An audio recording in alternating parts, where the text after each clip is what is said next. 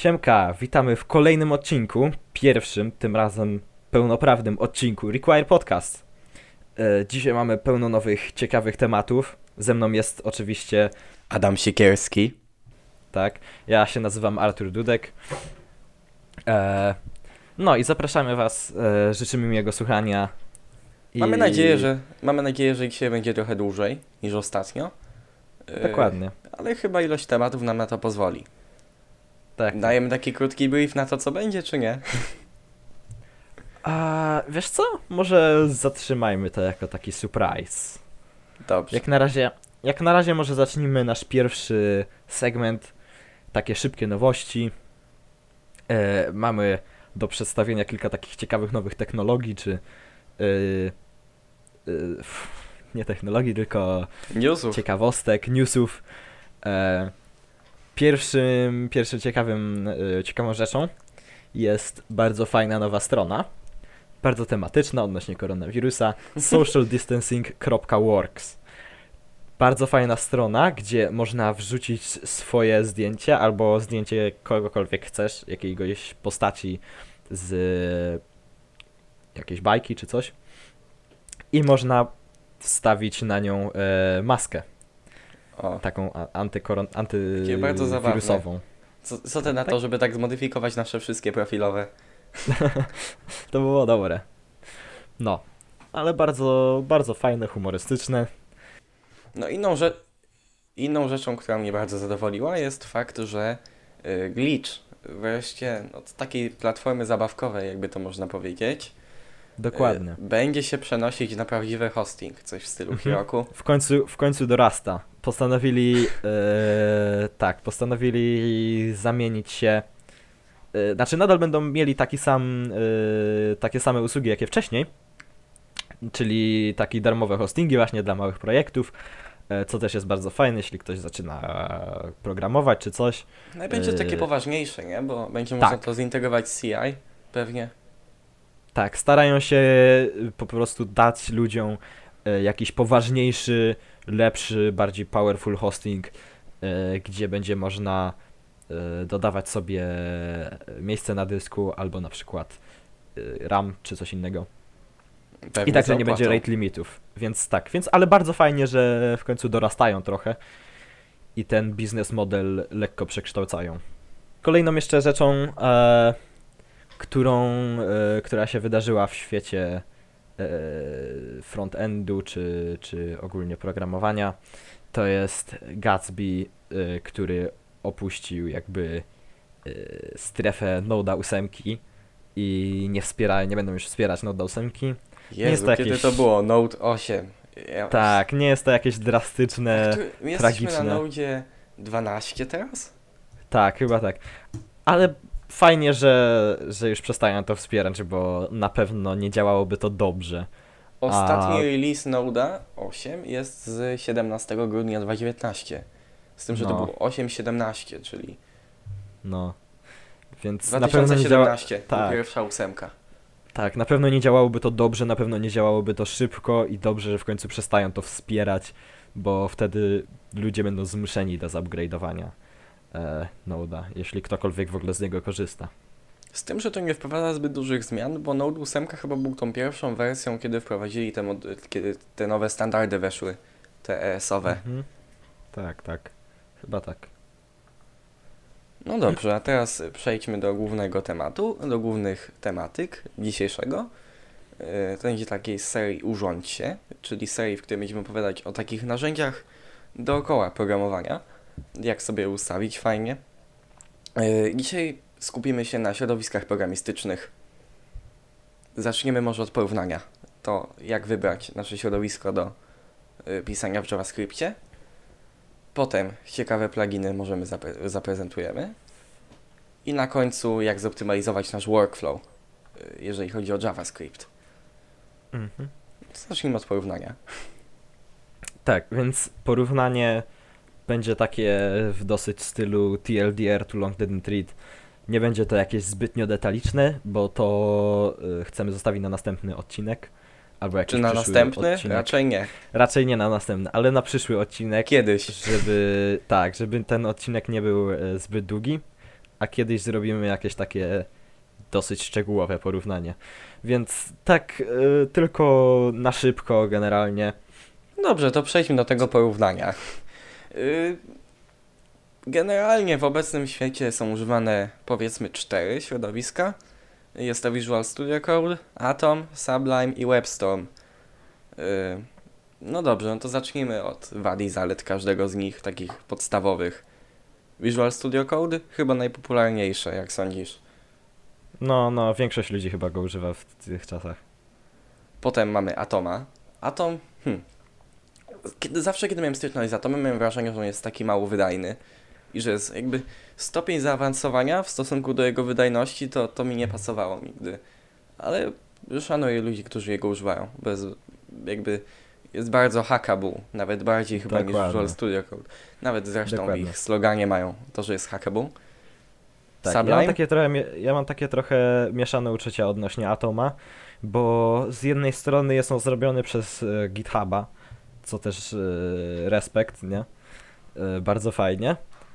A z drugiej strony jest on oparty na elektronie, jest on oparty na elektronie tak trochę słabo, więc dosyć memory intensive. Jakby pamiętajmy, że resource Electron intensive. został stworzony w oparciu o Atoma, gdyż GitHub Tak, chciał stworzyć e, coś, co dokładnie. pozwoli nam pisać aplikacje takie natywne, w, nie natywne, ale desktopowe w Node i właśnie w tym celu stworzyli Atoma i potem ktoś sobie pomyślał, ej, to można wyekstraktować ten kod i zrobić Electrona.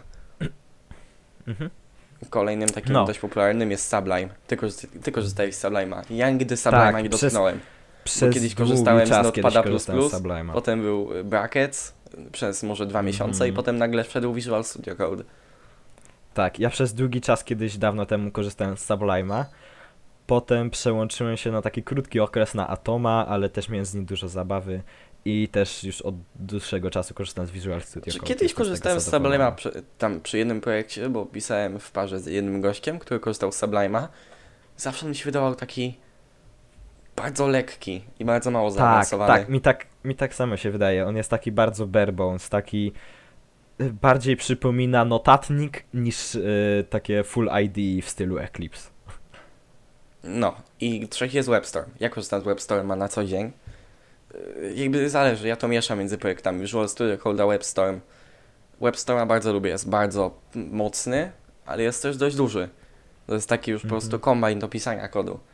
Więc Tak, niektórzy taki- mogą tego nie lubić, ale ja bardzo to lubię w nim. Że jest taki zaawansowany, już jest takie pełnoprawne IDE do pisania aplikacji, ale jest płatny. Dokładnie, Aczkolwiek, dokładnie. jeżeli jesteśmy uczniami lub mamy konto, tam to Mhm. GitHub for Education, możemy za darmo zgarnąć cały, cały, cały pakiet y, od JetBrains za darmo.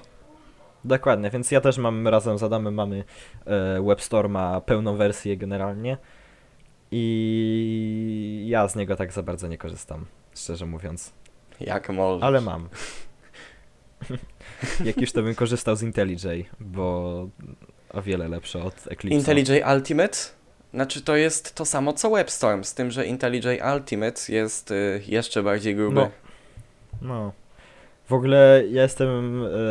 E, za, tak, ostatnio obczajam sobie tego e, Android Studio, bo praktycznie nigdy nie miałem takiej e, okazji, żeby to dogłębnie e, przestudiować. To jest to I, samo. ogarno, I ogarnąłem, że on jest oparty na IntelliJ. Jakby, no bo to jest firma JetBrains, którzy stworzyli najpierw An- IntelliJ Ultimate, Mhm. Potem Google to się spodobało, więc stwierdzili, że zamówią sobie u nich swoje własne IDE do, yy, do Androida i tak powstało Android Studio.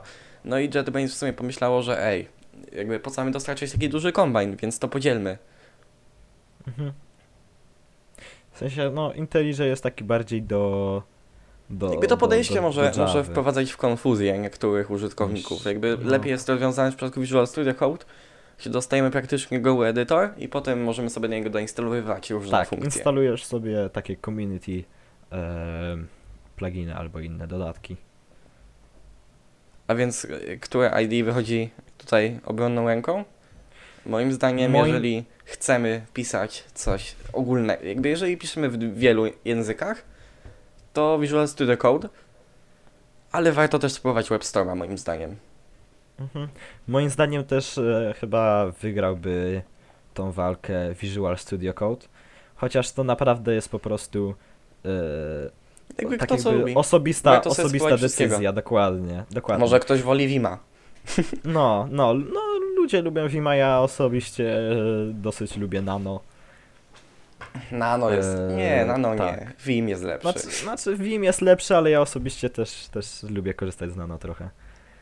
Jakby u mnie to jest tak, że WebStorma używam do takich dużych, grubych projektów. Jak coś piszę, na przykład jakąś dużą aplikację webową, to wtedy otwieram sobie w WebStormie. Ale jak szybko coś chcę napisać sobie w y, Create React App, no to Visual Studio Code. Jak piszę jakąś aplikację w Node, to mimo to, że WebStorm posiada dobry, dobry support dla Node'a, to nadal to nie wydaje się mi aż tak naturalne jak w przypadku Visual Studio Code. Mhm. Dokładnie. E, więc e, tak, tak na podsumowanie e, jest to po prostu kto co lubi. Można używać czegokolwiek. To nie jest tak, że użyjesz złego edytora i zostaniesz zhejtowany w świecie. Nie, no pamiętajmy, że to są przede wszystkim narzędzia. Tak jak to są komputer. narzędzia, dokładnie. Jakby dokładnie, nie zastanawiamy więc- się na to, czy jakby osoba, która ma Maca, no nie napisze więcej kodu na frontendzie niż osoba, która ma Windowsa czy Linuxa. Dokładnie, dokładnie. Powinno I się może po prostu, komuś być widocz, wygodniej na jednym, a komuś na drugim. I to jest w pełni Mhm, naturalne. powinno się po prostu e, tych narzędzi e, nauczyć i umieć ich używać. I wtedy naprawdę można robić dobre rzeczy. No, więc e, używajcie czego chcecie. Ja polecam popróbować e, wszystkich. E, no chyba, że nie chcą się kupować WebStorma. E, chociaż mają chyba darmowy trial, więc to też można No spróbować. ej, ale w sumie ten WebStorm, ile to kosztuje? 300 zł rocznie? 200 zł rocznie? Dostajemy cały pakiet? No to jakby y, Mhm. to są jedne zakupy w Lidlu, nie? Albo, No, za, albo zapas tak- papieru toaletowego na tak epidemię. bywa. no, to co, przechodzimy do kolejnego tematu? E, Możemy. Myślę, że wyczerpaliśmy ten temat z porównaniem IDE.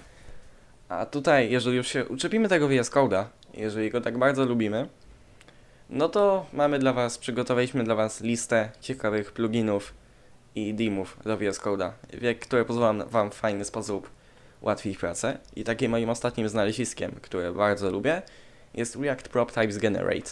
Tak więc co on pozwala? On nam generuje automatycznie prop typesy.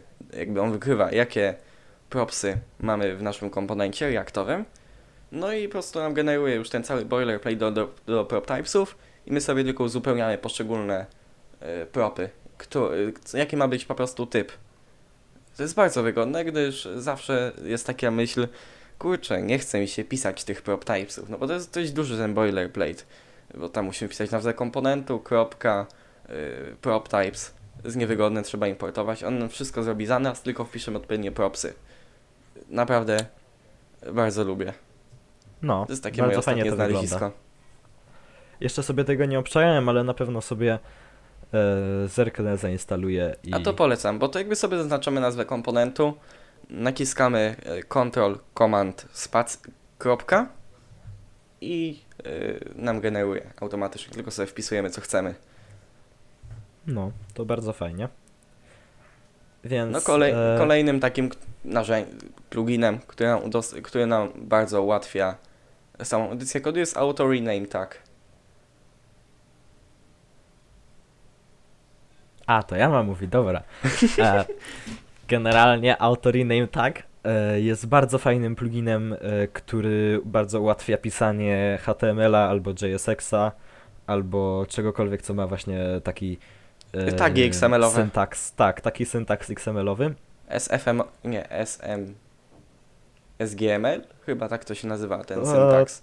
Co, Ostatnio w no. ogóle, bo jak są, jak się uczycie w szkole, to macie tam HTML-a, nie? Po jakimś czasie.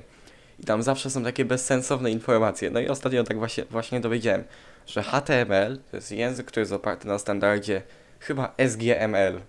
To jest w ogóle jakaś abstrakcyjna nazwa. Ostatnio była chyba użyta, nie wiem, w 93 roku, ale jest ta wiedza, nie? Musisz to wiedzieć i będzie na sprawdzianie w oparciu o jaki standard jest napisany HTML, nie? Dokładnie. No, jest to bardzo prosty e, plugin. Umożliwia nam e, po prostu zmienienie nazwy albo e, ustawienie nazwy jakiegokolwiek tagu i tagu zamykającego. Nie musimy pisać podwójnie div, bo po prostu zamieni nam Nie, to jest, to to jest akurat auto, auto close, tak? A nie, dobra, rozumiem o co ci chodzi. Tak, tak. W sensie, musimy- Na przykład jak chcemy zamienić sobie spana na diva, stwierdziliśmy, że to nam bardziej pasuje. Albo na przykład nie chcemy header 1, tylko header y, 3. No to możemy, wysta- wystarczy, że zmienimy nazwę górnego tagu albo dolnego tagu i on nam odpowiednio zmieni nazwę tego drugiego tagu. No tak, no to bardzo przyspiesza pracę. Kiedyś pamiętam, jak tak po prostu musiałem zrefaktorować na przykład całą listę. Na przykład mam 15 itemów, które są zahardkodowane, co nie jest dobrym pomysłem i powinno się to robić jakąś pętelką, ale jednak zostały one zahardkodowane bo z jakiegoś tam powodu, nie, w menu czy coś. No zawsze lepiej zahardkodować. No i potem nagle musisz jedną zmienić tam y, typ y, tego, typ komponentu, y, który jest ich na przykład wraperem albo coś, no to wtedy musisz każdy osobno. No i przy tym, że masz tych, w liście masz 6, no to robić się 12 do przepisania. I tak Mhm. dalej, i tak dalej. To, to może no, bardzo to ułatwia. Tak, tak. Pamiętam jeszcze jak kiedyś cokolwiek chciałem zmienić, no to kurde Ctrl-C i zaznaczałem Ctrl-V, Ctrl-V, Ctrl-V. Tak, Czy no takie, to są to takie ułatwia. podstawowe skille, które trzeba umieć, kiedy się edytuje w dużej No. ilości kod. Tak, tak. Więc kolejnym pluginem, który chcielibyśmy omówić, to jest Better Comments. Bardzo fajny plugin, który ułatwia nam e, komentowanie generalnie kodu i kolorowanie go, co też jest ładne, przyjemne dla oczu i pozwala nam zwrócić uwagę na rzeczy potrzebne. To powinno być Na- takie must have w każdym w ogóle ID, tak, Tak, jak mamy na przykład dokładnie. JS Doca, który tam pozwala nam dokumentować kod w komentach za pomocą takiego syntaksu bardzo deklaratywnego czy tam y, typowego, no to to też powinno być, no bo sobie stawiamy wykrzyknik na przykład na początku komenta i wtedy cała linia nam się robi czerwona. Super, naprawdę. Y, Dokładnie, to dokładnie. powinno, y, to powinno być zaimplementowane w każdym ID. Tak. Można ustawiać swoje własne kolorki, można ustawiać e, jaki, jaki ten, jaki musi być tag na początku każdej linii. E, czyli na przykład jak wpiszemy sobie e, komentarz, który się zaczyna od słów to do, no to on automatycznie jakby nam za, zakoloruje to na jakiś dany kolorek, który sobie ustawiliśmy i będziemy wiedzieć, że tutaj trzeba tutaj coś zrobić. Albo tam trzeba wymienić coś, bo Jakby to error. pozwala nam bardzo ustrukturyzować te komentarze. I strukturyzacji nigdy za wiele. Tak, tak. Jakby kod jest taką e, strukturą, która musi być bardzo mocno ustrukturyzowana. Jakby nawet bardziej niż to, co wynika z jej nazwy, że jest strukturalny. E, Więc im więcej struktur wprowadzamy w nasz kod, tym bardziej on się staje czytelny. Tym mniej jest takiej właśnie samowolki w kodzie, która jest bardzo niemile widziana. I Mhm. jakby lepiej nam się czyta taki generyczny kod, który ma po prostu bardzo jest taki bardzo ma takich powtarzalnych elementów. Wtedy jesteśmy w stanie rozpoznać te elementy, o, że tutaj jest dany element kodu, bo widzimy tą Tak, strukturę, widzimy, ten, widzimy tą powtarzalność. Tak, jakby po to się pisze w edytorach kodu, żeby nie mieć y, całego kodu czarnego, jak na przykład w Notepadzie, tylko że jest ładnie pokolorowany i wtedy łatwiej nam zobaczyć, co jest y, czym. Na przykład Jakby gdzie, z- gdzie też właśnie o tym mówiąc, sprowadza się do mojej nienawiści do programowania funkcyjnego. Teraz tutaj zostanę zjedzony za to, że nie lubię programowania funkcyjnego, O. ale naprawdę y, programowanie obiektowe wprowadza nam takie bardzo powtarzalne elementy, gdzie funkcyjne no musimy jednak śledzić, co się wykonuje po kolei, no bo to opiera się tak naprawdę na wykonywaniu kodu jeden linijka po linijce. A w No. obiektowym bardziej operujemy na danych obiektach jednak. Składamy klocki. tak, W funkcyjnym też to występuje w pewien sposób, ale bardziej bym to na przykład y, określił jako, że mamy linkę, tą linkę sobie tniemy, możemy kopiować dane elementy tego sznurka i potem ten sznurek łączymy w jeden ciąg. Mhm. Ja generalnie nie mam nic przeciwko y, ani funkcjonalnemu, ani obiektowemu programowaniu. Jakby, no tak, no też nie jest tak, że nie lubię Jakby, tego. tak, jakby, tak, dokładnie. Tylko po prostu no nie przepadam, nie? Ja, ja generalnie mógłbym pisać w czymkolwiek. Mi obie, obie formy odpowiadają i obie mają tak jakby swoje wady i zalety i takie jakieś fajne rzeczy. E, no.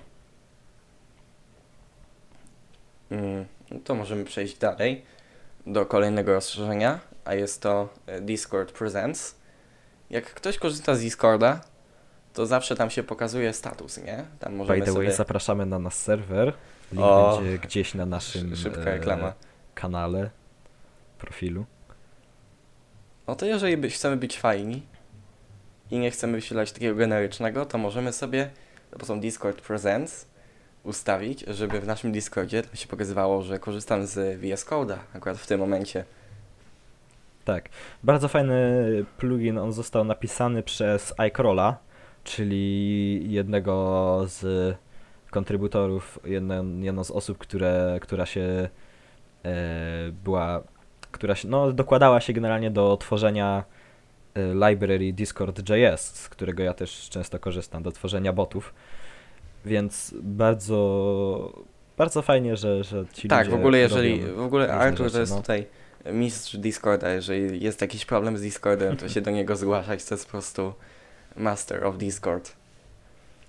No, spędziłem już trochę czasu na tej aplikacji. Trochę. Tak, można sobie ustawiać y, różne rzeczy, na przykład y, jakie ikonki chcemy, żeby nam pokazywało, jaki tekst, jaki tekst w różnych miejscach, żeby nam pokazywało. No i wtedy każdy będzie wiedział, że oczywiście pracujemy, a nie gramy. No, dokładnie. Yy, Co tam siedzisz na Discordzie? Nie, nie, nie, on jest tylko włączony w tle. Ja piszę kod. I tutaj w ogóle już wszyscy koledzy, wow. Tak, tak. I potem Inną widzę ludzi, kto- którzy. Potem widzę ludzi, którzy mają 10 godzin y, elapsed na, na tym, na Visual Studio Code na Discordzie. No to widać tutaj, że programista, nie? Tym bardziej w czasie korona przerwy. No, no. Nie no, to można spędzić się, obudzić o godzinie 8. Tak się dzisiaj obudziłem specjalnie. I usiadłem do kompa i siedzę praktycznie, to jest teraz kolejna godzina 8, tylko że PM. Czyli ile? Dwa, 12 godzin. Jest tam z moimi przerwami na jedzonko. To tak No, można, tak siedzieć, można się zasiedzieć w tej piwnicy u siebie. Inną rzeczą, którą można polecić jest na przykład y, CSS Peak. Y, On bardzo usprawia nam pracę pomiędzy HTML-em a CSS-em. Pozwala Tak, nam tak. sobie do definicji naszych CS, jakby naszych elementów w HTML-u, w CSS-ie, po klasach. No tak bardzo nam ułatwia tą nawigację w kodzie. Jeżeli mamy na przykład bardzo duży plik CSS-owy, no bo mamy dość obszerną stronkę. No kiedyś, ta, kiedyś taki kod refaktorowałem ostatnio, bo miałem stronę, którą, która była napisana może dwa lata temu i ona nie była w ogóle na żadnym frameworku. Nie, to była może nawet 3 lata temu. Ona nie była na żadnym frameworku napisana, tylko była napisana w czystym. HTML-u. A cząstkowanie i komponentyzowanie tego czystego HTML-a 3 lata temu, no to nie było y, takie łatwe, nie? Bo teraz mamy web components i takie wszystkie fajne udogodnienia. Wtedy tego nie było, więc cała strona to był jeden wielki monolit. I teraz trzeba było się przeprawiać przez te Tak, wszystkie tak. klasy w CSS-ie, gdzie plik CSS-owy miał może z 800 linijek. Teraz już bym tego tak nie napisał. Ale no, Dokładnie. Albo jak musiałem kiedyś zmienić e, jedną rzecz w headerze, na przykład dodać jakąś tam e, stronę czy coś, to musiałem chodzić przez każdy plik i wszędzie wklejać to i ustawiać odpowiednio relative e, e, ten. to są, to są takie właśnie No. problemy, kiedy jeszcze się, w tych czasach, kiedy się jeszcze nie odkryło tych wszystkich nowoczesnych, fajnych technologii, nie? Programistycznych. tak, tak. Kiedy się jeszcze, jakby obecnie programiści mają to w głowie, że kod trzeba jak najbardziej e, dzielić, nie? Jakby e, można zrobić jeden, można Tak, zrobić tak. osobny komponent z takiego butona, nie? Z takiego przycisku. Jak, A kiedyś jak tak naj- nie było. Kiedyś, kiedyś, dzielić- kiedyś programy były po prostu jednym wielkim monolitem. I mam wrażenie, że relatywnie na, niedawno odkryto tą e, możliwość, że ten kod się cząstkuje. Dokładnie, dokładnie. Jak najwięcej generalnie dzielić i wszystko jak się da najbardziej jakby przemyśleć przyszłość. Mo- Co jeśli będę chciał dodać więcej niż jeden przycisk, no to zrobię od razu to i zrobię od razu, żeby e, brał jakiś tam tytuł, jakiś kolorek, coś takie W tam. ogóle strukturyzacja kodu pod rozbudowę to jest zupełnie inny temat rzeka.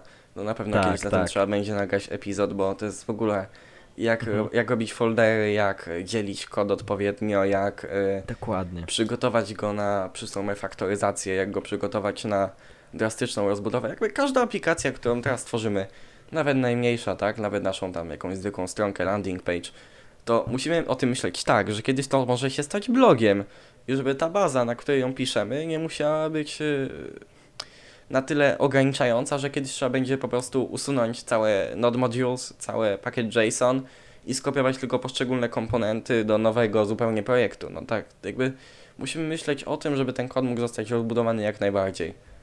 Dokładnie, nawet jak nie piszemy nic ciekawego, nic ważnego, to nadal trzeba No mówię, no sobie... landing page możemy pisać Tak. myślą, że to kiedyś stanie się blogiem.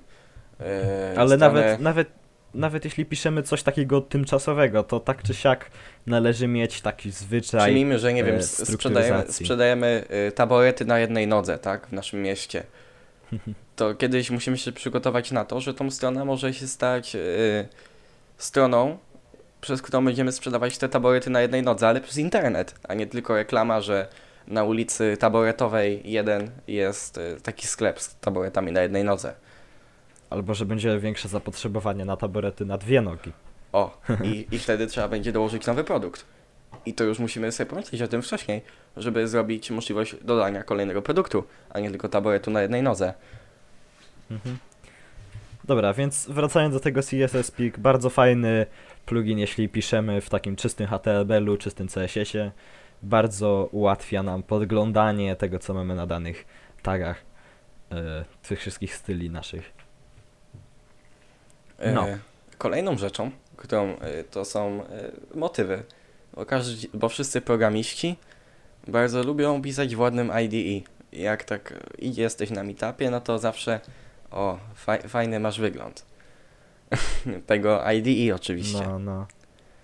No to chyba najpopularniejsze jest Material Theme, które ostatnio powinniśmy zmienić na Community Material Theme. O co chodzi? Opowiedz. Dokładnie.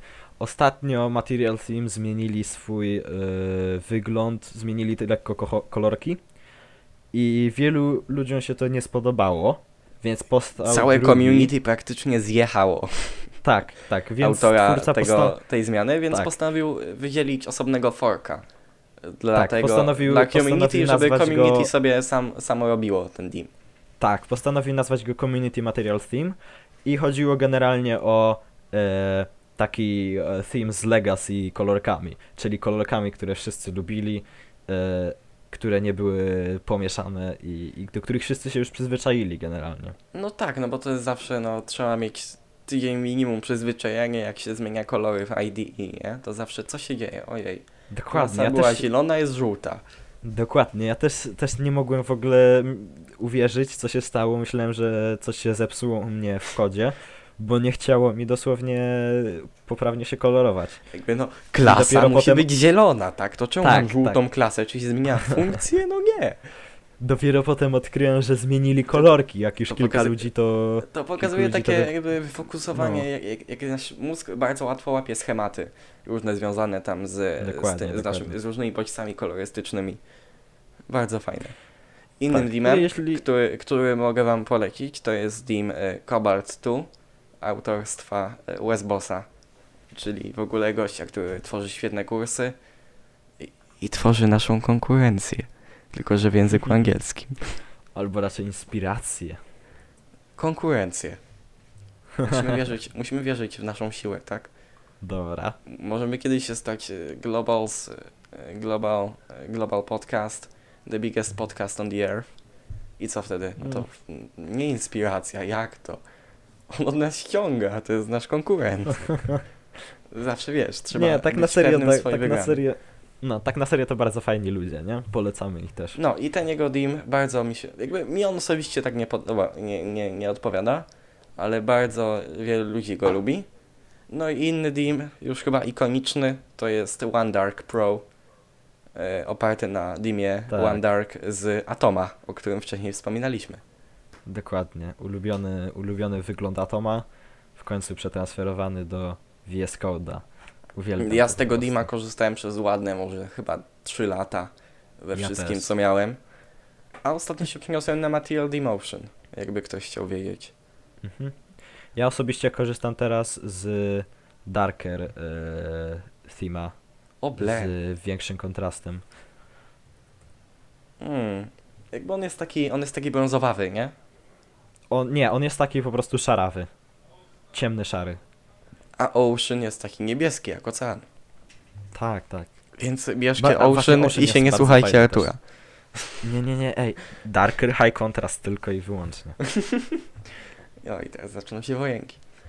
E, No dobrze. I teraz jeszcze jedna rzecz. E, To proszę was, zmieńcie sobie ikonki defaultowe w VS Code na. Material Icon. Team. Nikt, nikt ich nie lubi, nikt z tego nie korzysta. Pobierzcie Material Icon Theme. Po Kropka. prostu to jest taki must have, dokładnie, kropka.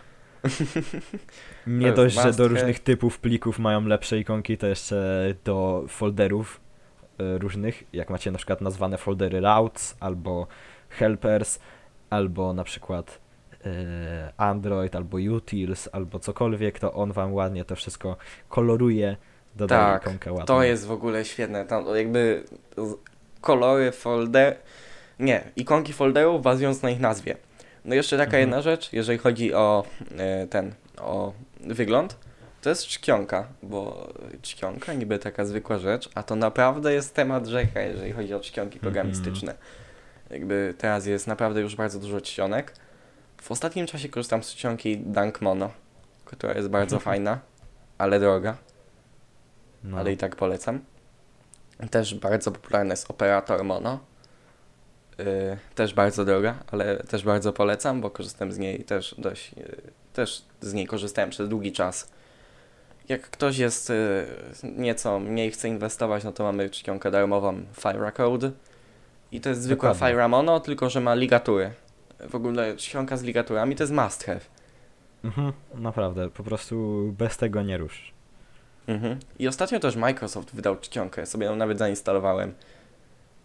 Ale to jest takie coś pomiędzy Firecode a Dunk Mono, z tym, że z większym naciskiem na Firecode, więc to jest takie po prostu...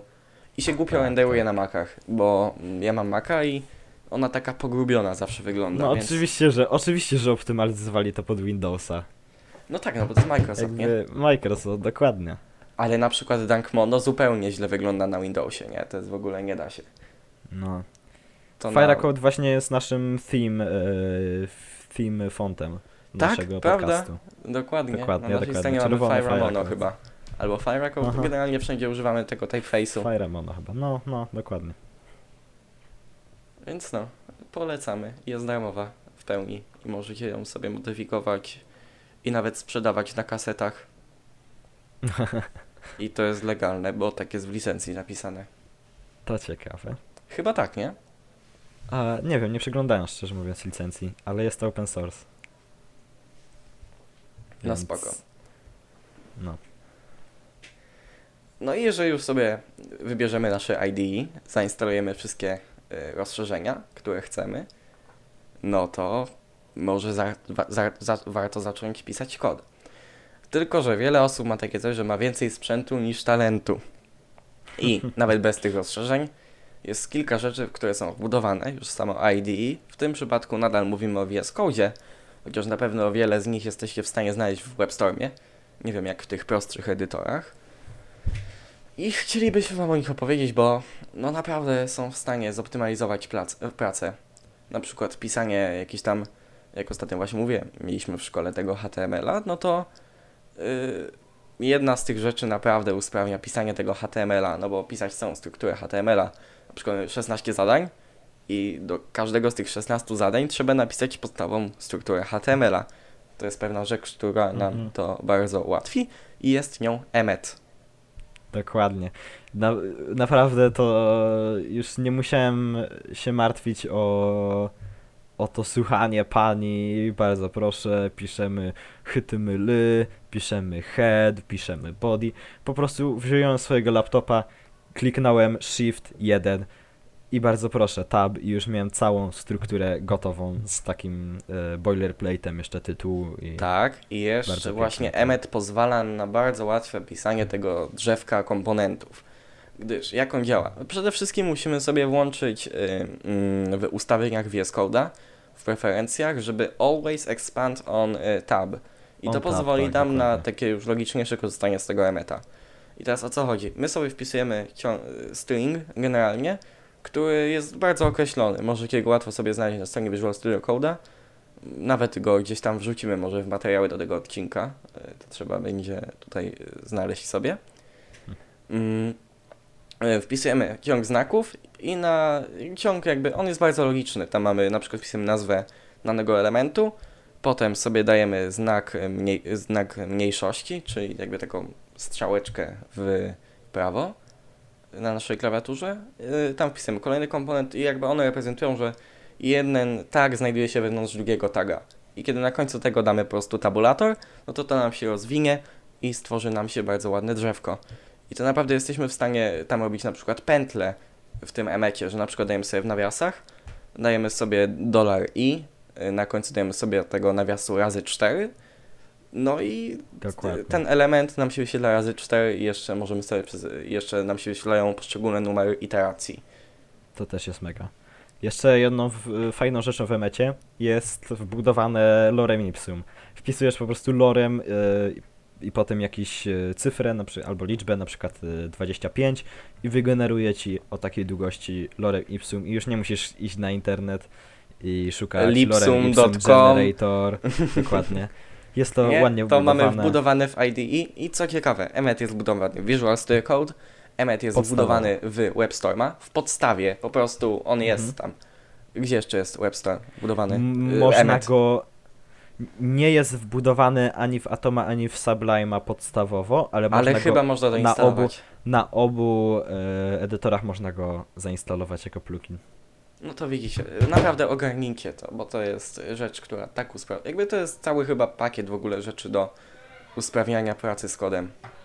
Tak, takie snippetsy, jeszcze narzędzia do, dodatkowo, więc bardzo fajne. No i jeżeli chcemy ogarnąć też pracę z kodem w dość wydajny sposób, no to na pewno musicie ogarnąć skróty klawiaturowe. Mm, skrótów klawiaturowych naprawdę bałem się przez długi czas, jakby korzystałem tylko z tych podstawowych do tam Uff. zaznaczania i przewijania się w kodzie, a to naprawdę jest w stanie bardzo usprawnić naszą pracę w kodzie i jeżeli jesteśmy keyboard shortcuts master, no to jesteśmy w stanie pisać kod o wiele bardziej wydajnie niż osoba, która z nich nie korzysta. Mhm. Nawet ja chyba od, dwa razy Ja od szybciej. zawsze generalnie uwielbiałem korzystać ze skrótów klawiszowych. Wiesz co, ja Nawet też, jeśli- ale jakby nigdy nie miałem motywacji, żeby nie się ich uczyć. Jakby wiesz, No. znajdowałem sobie skrót klawiaturowy w necie i okej, nie, użyłem go raz, dwa razy i potem go zapominałem. No. Ja miałem I tak, tak się zmotywowałem, bo koledze robiłem em, taką fajną rzecz, podkładkę pod myszkę na urodziny, która posiadała po prostu skróty klawiaturowe do VS Code'a. jeśli... Uu, to jest fajne. Generalnie ja, naw- ja tak miałem, że nawet nie, nie potrzebowałem jakiegoś skrótu, ale tak czy siak chciałem się go nauczyć, bo wiesz, zawsze fajnie, zawsze mogę użyć gdzieś, zawsze mi coś to usprawni. Zawsze po prostu uwielbiałem skróty klawiaturowe. Mhm. No i zaprezentujemy wam takie nasze, moje ulubione, moje ulubione, ulubieńce, ulubione, ulubiońce. Y, Pierwszym z nich jest y, skrót do y, toglowania, przełączania, komentowania elementu kodu. Czyli mamy jakiś tam blok kodu, no i pomyślmy, że wywala nam się, więc chcemy go zakomentować, czy to na pewno ten blok kodu. No to co my robimy normalnie, tak? No sobie strzałeczkami albo myszką, jak kto woli.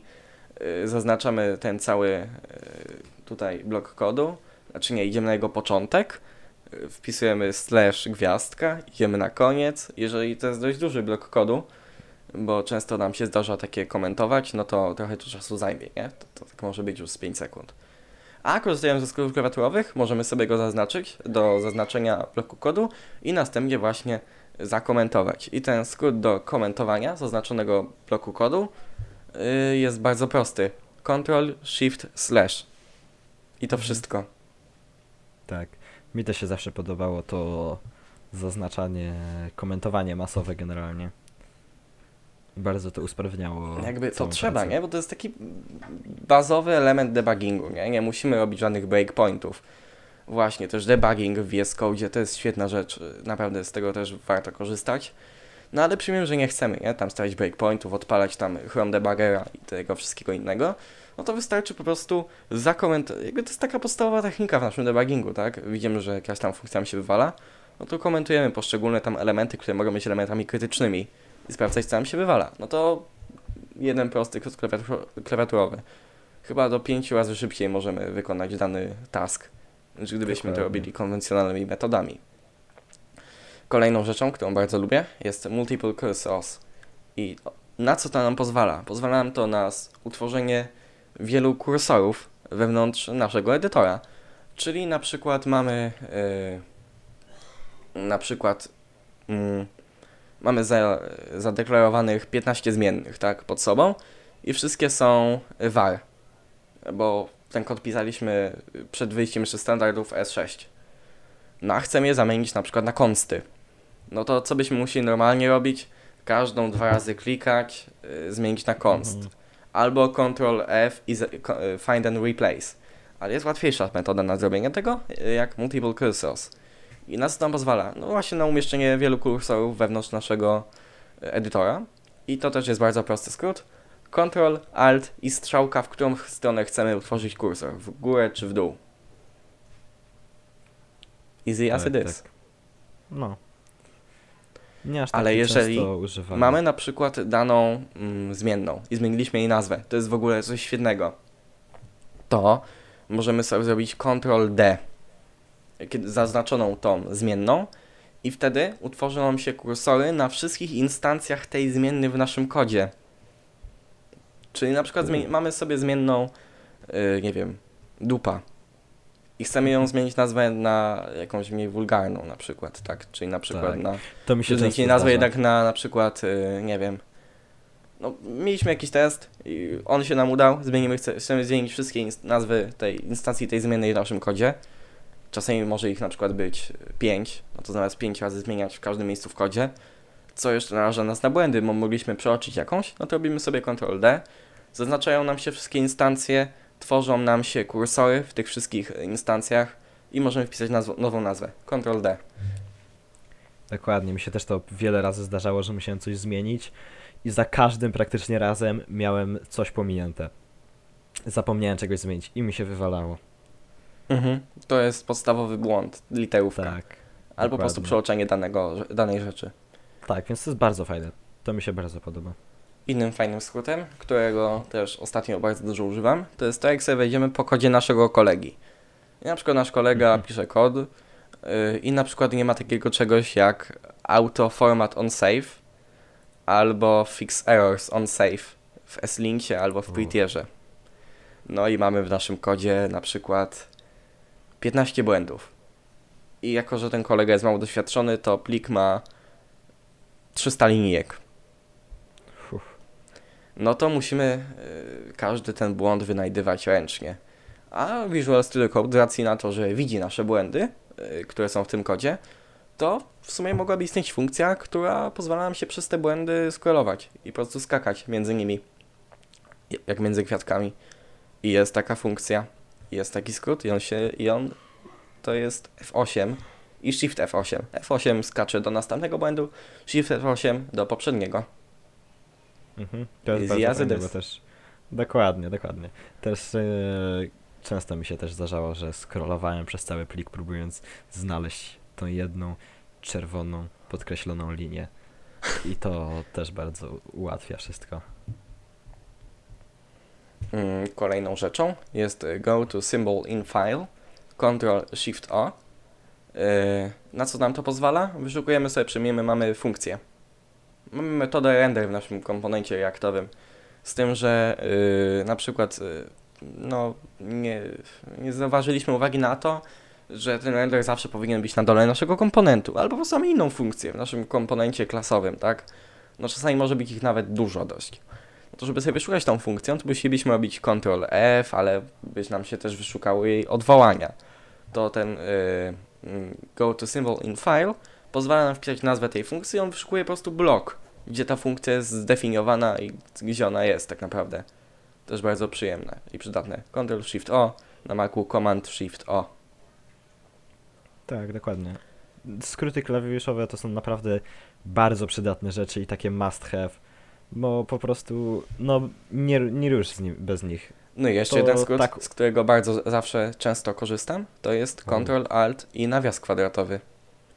I dlaczego on służy? On służy do y, foldowania naszego bloku kodu. Czyli mamy jakąś funkcję, na przykład y, mamy jakiś tam monolityczny program, tak, w... Mm, na przykład mamy CLI, nie? No to tam bardzo ciężko cząstkować moim zdaniem kod do CLI w Node, do jakby tworzenia aplikacji CLI w Node.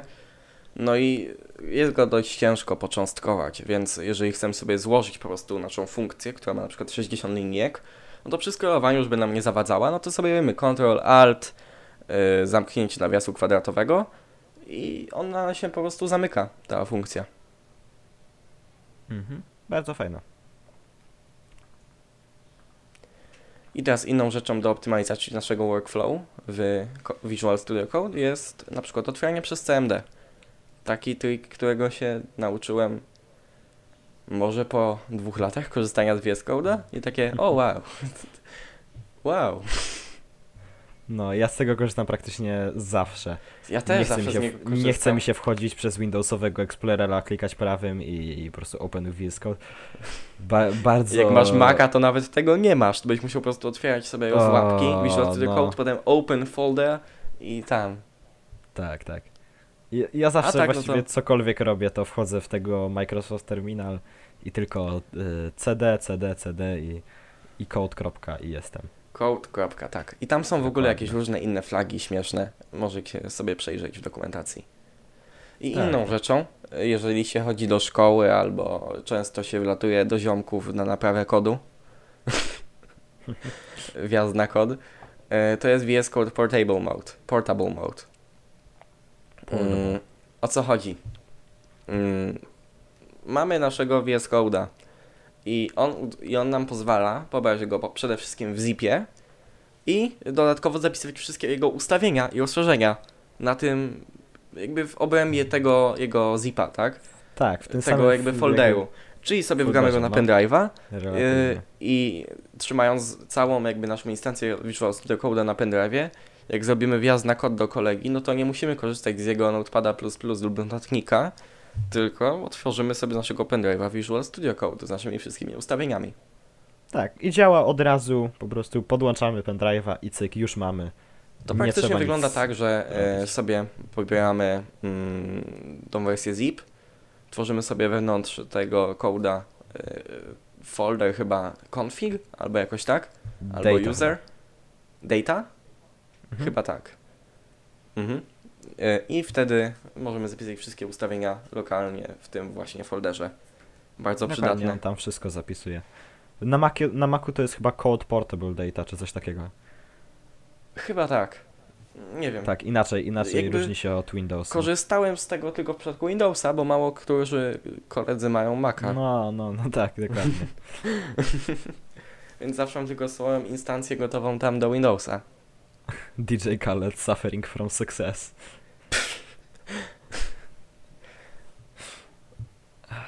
No. No, dobrze, to ja myślę, że chyba będziemy powoli zmierzać ku końcowi. Co ty na to? dokładnie, już, już dosyć długo. Wow, gadamy, 50 już prawie, minut. Już prawie 50 minut. Chociaż będzie trochę do ścięcia. Ej, ale ja jestem usatysfakcjonowany tą długością. Jakby. No, ja też. Nie jest to zbyt długie, jest to taka miła, przyjemna sesja. Można jak, sobie na, odpalić, jak na początkujących posiedzieć. podcasterów, jakimi jesteśmy, to naprawdę jestem z siebie zadowolony, bo pierwszy odcinek to mogę wam się przyznać, że to był hardcore, nie? Żeby cokolwiek Mhm. powiedzieć. Tak. A teraz idzie, no, o wiele łatwiej. W Tak, ogóle, trzeba, jeżeli... się, trzeba się trochę rozluźnić. Mhm. To jest prawda, pogadać sobie tam pół godziny wcześniej. Tak, dokładnie, przez, przez chwilę sobie po, popróbować coś pogadać. Najważniejsze jest też przygotowanie się, żeby wiedzieć co mówić. Mhm, to też, żeby mieć przygotowanie merytoryczne, jakby tak, takie tipsy do, do, do robienia podcastów. Mhm. Mm. No co chciałem powiedzieć? Przede wszystkim e, odcinki będą się pojawiać w miarę regularnie. Nie chcemy się ograniczać do danego dnia, nie? że każdy poniedziałek. No bo wiadomo jak to jest w życiu, że tam na przykład ktoś ma, na przykład nie ma humoru danego dnia, tak? No to tego dnia nie nagra, no bo to wyjdzie słabo, co nie? Albo Tak. będzie po prostu problem, nie? Że na przykład mamy zadanie jakieś, albo mamy jakąś pracę do wykonania, yy, wykonamy ją yy, na pół gwizdka i okazuje się, że robi się 21 i potem trzeba się zmówić, żeby coś nagrać. No to... No, he. Właśnie chcieliśmy też odnośnie tego przeprosić za takie lekkie przesunięcie, bo planowaliśmy wrzucać co tydzień właśnie w, W ten sam dzień, żeby w Tak. piątki. Więc bardzo przepraszamy. Mamy nadzieję, że nie ukatrupicie nas. Znaczy o co chodzi, nie? Jakby takie dwa dni, w które najprawdopodobniej się będą pojawiać, to będzie piątek lub poniedziałek. Z racji na to, że przed weekendem lub po weekendzie, jak się, nagra, jak się uda nagrać w tygodniu, no to wtedy wejdzie w piątek. Jak się, uda, Dokładnie. jak się uda nagrać w weekend, no to wtedy w poniedziałek.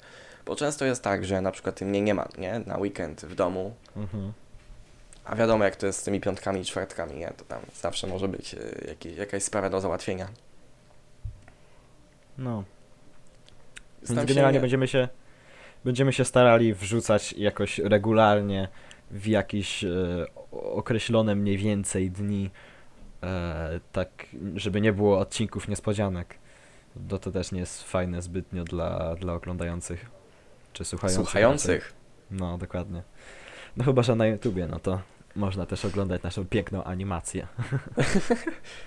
Mało, w ogóle mało chyba kto ją może zauważyć, bo ona jest taka bardzo subtelna. Tak, taka subtelna tylko w tle, ale fajna. No dobrze, to myślę, że będziemy kończyć. Ja się nazywam Adam Siekierski. Możecie do mnie pisać pod adresem a.siekierski.ml. Ze mną był Artur Dudek, artur at dudek.ga. Zapraszamy też na naszą stronę require.podcast.gq. Można też do nas pisać na ten sam y, y, maila, na ten sam po prostu y, domenę, tylko że zamiast pierwszej kropki jest at, czyli require at. Jak chcecie, żebyśmy o czymś porozmawiali, macie jakieś pytania, zapraszamy. Można też wbić na naszego Discorda, który jest pewnie gdzieś na naszym profilu albo w opisie.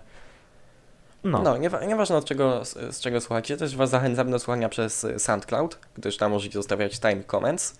Zawsze tak jest w tych podcastach, takie nienaturalne, nie? Że jest taka integracja, taka...